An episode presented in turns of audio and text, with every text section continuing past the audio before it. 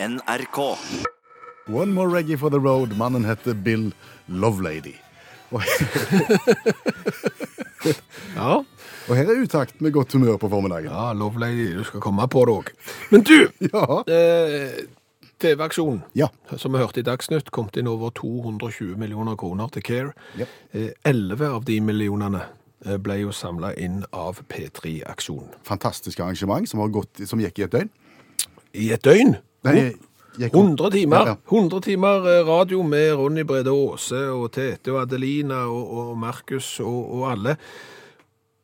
Og de ofrer seg jo, programlederne, de ofrer seg jo for denne saken og har klart å samle inn 11 millioner kroner med å utsette seg selv for ganske mye. Altså Markus for eksempel, han har jo blant annet skiftet navn. Han måtte da hete Markus Ulv, eh, fordi at faren heter noe med bjørn, og så har de blitt døpt i grisesæd, de har fått pølsetatovering eh, på, på låret, det har vært piercing i nasen og fallskjermhopp, det har vært mye. Og så snakket jeg med noen i går som var eldre enn meg. Og de var så imponerte over hva denne P3-gjengen hadde klart å samle inn av penger. 11 millioner kroner. Men var det nødvendig å gå så langt? Sa de. Ja.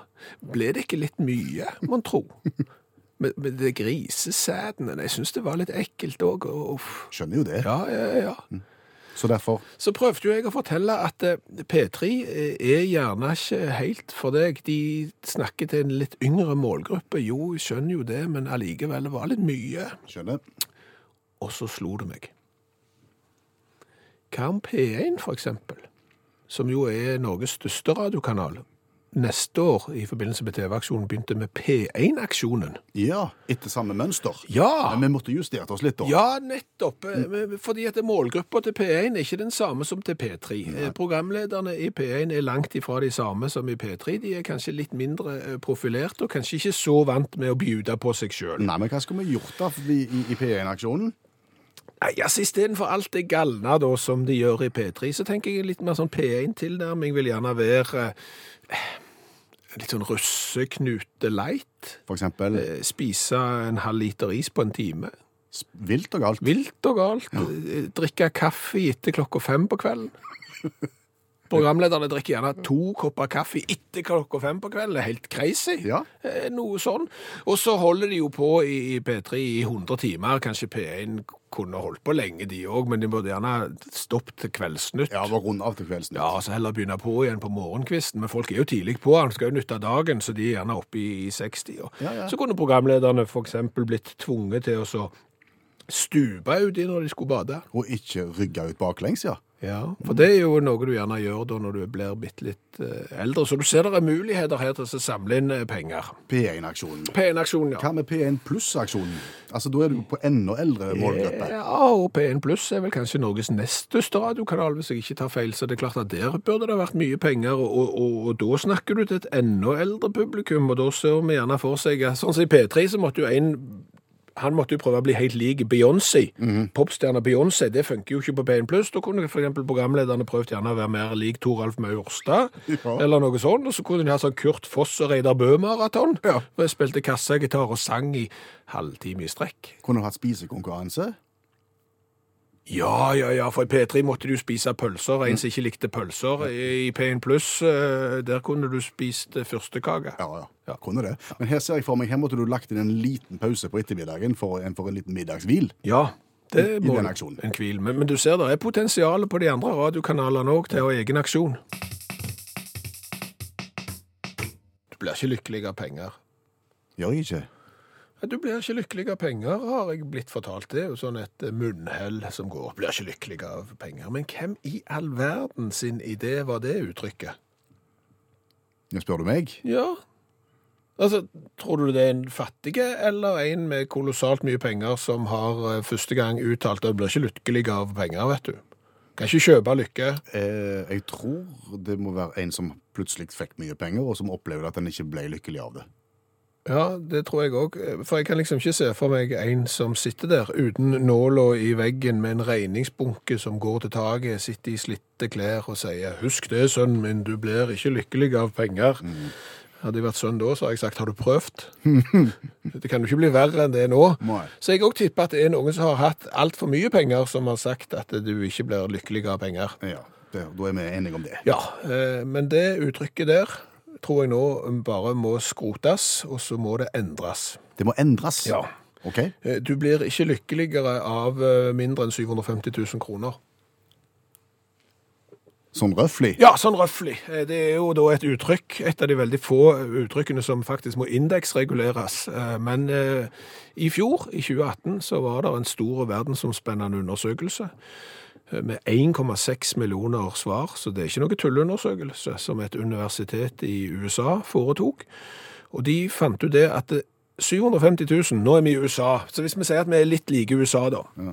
så eh, har du 750 000, da er du lykkelig. I 750 000 i året. Ja, i året. I årslønn. Ja. Da, da er du lykkelig. Ja. Eh, Har du mer enn det, det trengs ikke. Fordi at eh, følelsesmessig tilfredsstillhet, eh, livskvalitet og alt det der greiene der blir ikke bedre om du tjener mer enn 750 000. Da, da, da avtar det nesten. Oh, ja. Eh, Men har du mindre enn 750 000, har du f.eks. bare 400 000 eller 500 000, nei, da sliter du. Da tror jeg det er veldig, veldig veldig mange i Norge som egentlig sliter, hvis Ja. du skal tro på den undersøkelsen. Ja, ja, ja. Så, altså, så lykken er liksom 750 000. Pluss minus litt. Altså, det er, det er der omkring. Så, så tenk deg det. Det. Tenk deg det uttrykket nå som vi skal indeksregulere herfra. Det, altså, du blir ikke lykkeligere hvis du har mer enn 750 000. På fredag fikk jeg brukt for eh, litteraturkunnskapen som jeg har opparbeidet meg uten å ha lest ei bok. Det var kjekt å høre. Ja, eh, fordi at jeg var med på quiz. Ja. Så fikk jeg jo spørsmål om litteratur, eh, forfatter og, og verk. Og hvem var det som kunne svare?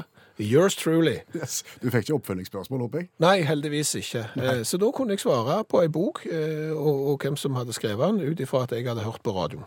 For hver mandag i dette radioprogrammet så lærer vi vekk en klassiker som du burde ha lest, men vi lærer den vekk på fire minutter, så det går fort. Mm, Så kan du plutselig vinne quiz. Ja, Framstå som om du har lest den. Skal vi ta imot Janne Stigen Drangsholt igjen, forfatter og litteraturviter, som skal ta oss gjennom et nytt verk.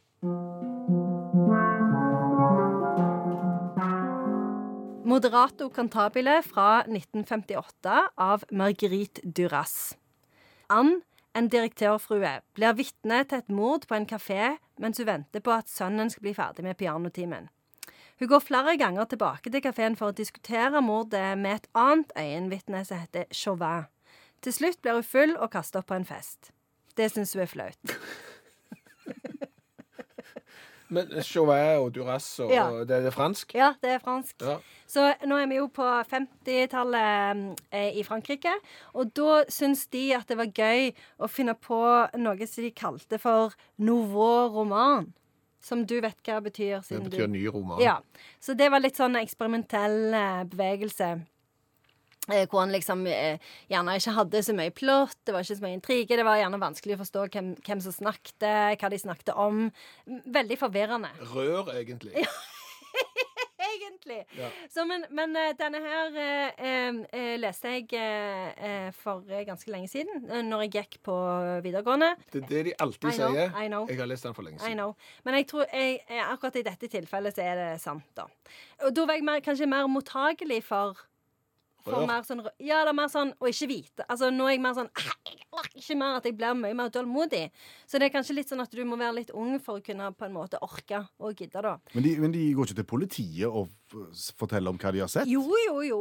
Eh, de gjør det. Men det poenget er at eh, For at det, alle ser det, og han blir tatt. Og det er ikke noe sånn mysterium eller noe. Ah. Men hun er jo direktørfrua, Og den kafeen som hun går på, er, er egentlig ikke sånn Den er litt sånn under hennes verdighet. Den, den er litt sånn Å ja, så det må ikke komme ut at hun har vært der? Jo, jo, det er greit, eh, men det er liksom bare det at hun skal egentlig ikke Det er liksom en sirkel som hun ikke egentlig beveger seg i. Hennes uh, liv er litt sånn kjedelig, repetitivt, eh, litt sånn moderato cantabile. Litt sånn melodiøst og rolig.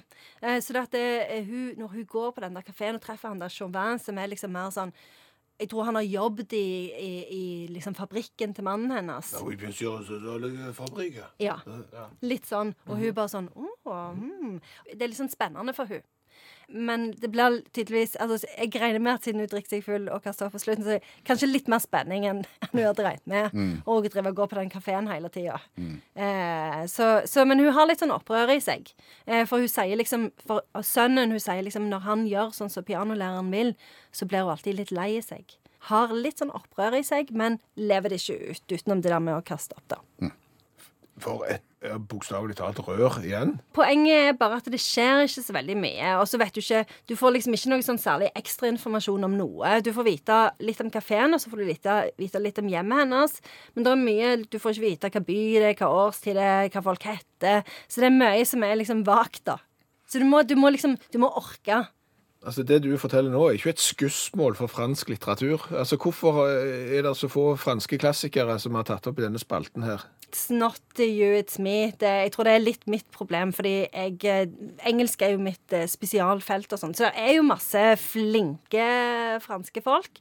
Eh, men denne her er jo faktisk en, en moderne klassiker. Og Marguerite Duras hun er jo ganske kule dame. Hun har jo lagt filmer og, og all slags greier. Og denne her er jo faktisk lagt om til en film. Men gi oss et sitat fra boka. Nei, jeg, jeg, jeg fant ikke noe sitat. Nei, du forsto ikke fransken?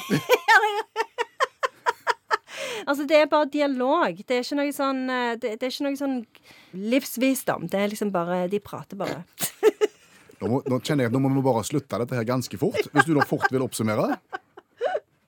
Altså Det her høres jo ut som ei eh, bok som er skrevet på samme måten som franskmennene lagde film på eh, på eh, 50-tallet.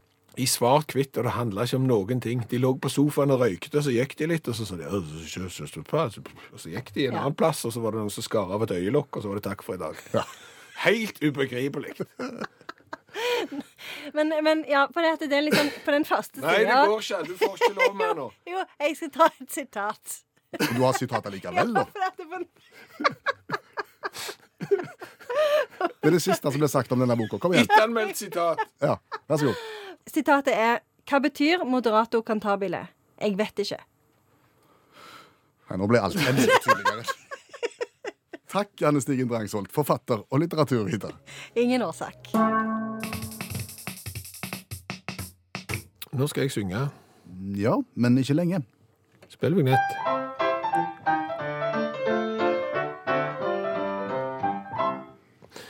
For har du opplevd at ungene dine kommer hjem fra skolen, og så er de litt motløse, for de må sette seg ned med lekser, og det er mye, og det tar lang tid?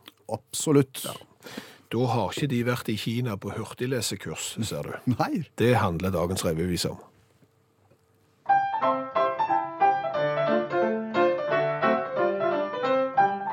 Når Janne Stigen Drangsvold gir oss klassisk litteratur, da tar det fire-fem minutter, det er lenge. For med kvantebølgelesing kan du lære deg en bok på minuttet, du vil ikke mer tid trenge. Unge barn kan gjøre lekser på sekunder. Et veritabelt hurtig lesekurs vidunder. Og vil du lese bøker på et språk som du selv ikke kan, med kvantebølgelesing går det faktisk an. Kvantumbølgelesing der, altså. Ja, nå har jeg oversatt det. Jeg vet ikke om det fins på norsk, men eh, Quantum Wave Reading, kvantumbølgelesing. Nå sitter jeg med en bok foran meg her som har 4, 542 sider. Ja. Den skal jeg da, hvis jeg hadde fullført alle disse 72 leksjonene i dette hurtiglesekurset, så skulle jeg nå bare kunne ta den, og så Liksom sånn. Ja. Så i løpet av et par minutter så var jeg ferdig med den boka på 542 sider. Hva går teknikken ut på? Det er det jeg ikke vet. Men, men de skryter veldig av det. Uh, unger kan gjøre hjemmeleksene på eh, sekunder. Du skal kunne lese ei bok på 100 000 ord på mellom ett og, og fem minutter. Uh, og det er da kurs i Kina. Men kvantumbølgelesningen kommer da, ifølge artikkelen her, fra Japan. Og så begynner jo journalisten i meg. Du er ikke journalist. Så begynner jo fotografen i meg Ja. å våkne. For, for det må jo være et eller annet som ikke stemmer. Altså, du kan ikke lese ei bok bare med å flippe sidene. Nei, nei. Det, det, det går ikke. Og I tillegg så sier de i kvantumbølgelesingsteorien at hvis det er på et språk du ikke forstår, frykt ei, du skal bare flippe gjennom sidene, så vil du underbevisst allikevel forstå det. Så her er det mye rart. Så finner jeg ut Kanskje det er en tullesak at det er noen som selger inn et produkt som ikke er helt det samme. For det de sier i reklamen sin, det er nemlig det at en av elevene brukte kun to minutter og 23 sekunder på å lese boka Three Days to See. Det var ikke lenge. Nei, men Three Days to See er ei bok av Helen Keller, som var en amerikansk forfatter, men som var født, altså som var, som var døvblind.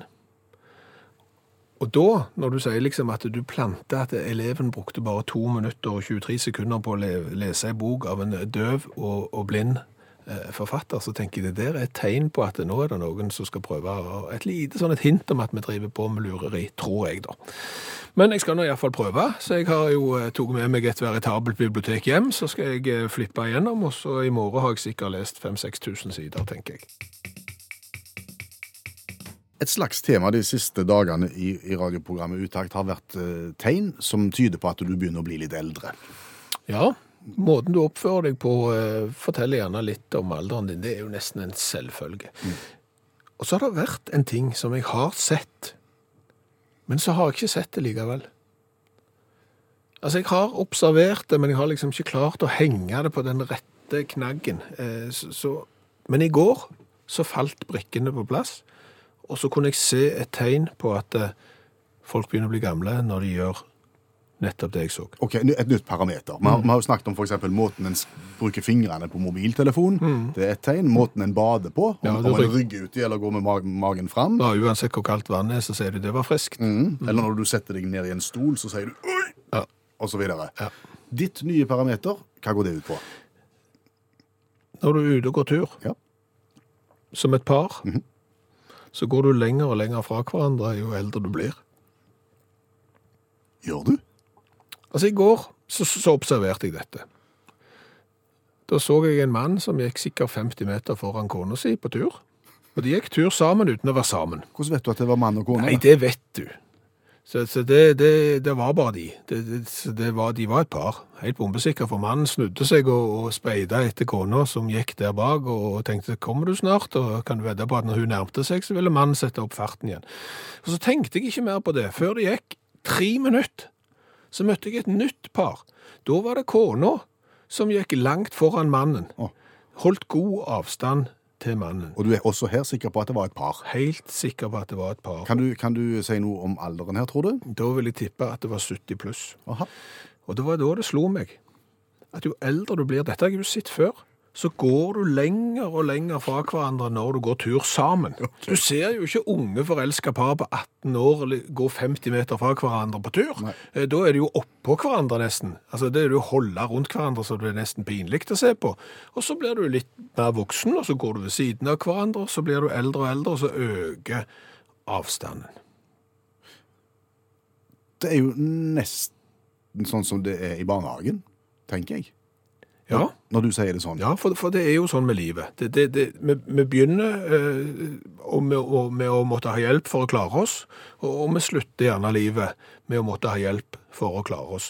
Og der ser jeg helt klart en parallell, sånn som du sier, fra barnehagen til godt voksen ut og gå tur. For det er alltid en eller annen i barnehagen, eller to, som blir hengende igjen etter barnefølget fordi de har sett en løyenstein i veikanten, eller de har funnet en pinne. Ja. Så blir de sittende der, og så er de helt kolossalt opptatt av denne.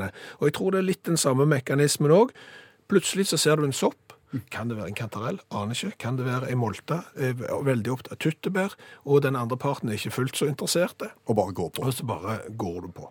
Så det er en teori her nå, at eh, desto lengre avstand der er mellom de to partene i et par, eh, desto eldre er du. Solfrid har sendt oss et veldig interessant spørsmål. Ja, Solfrid har stilt følgende spørsmål. Hva betyr tøy? Ja, hva er tøy? Hva er tøy?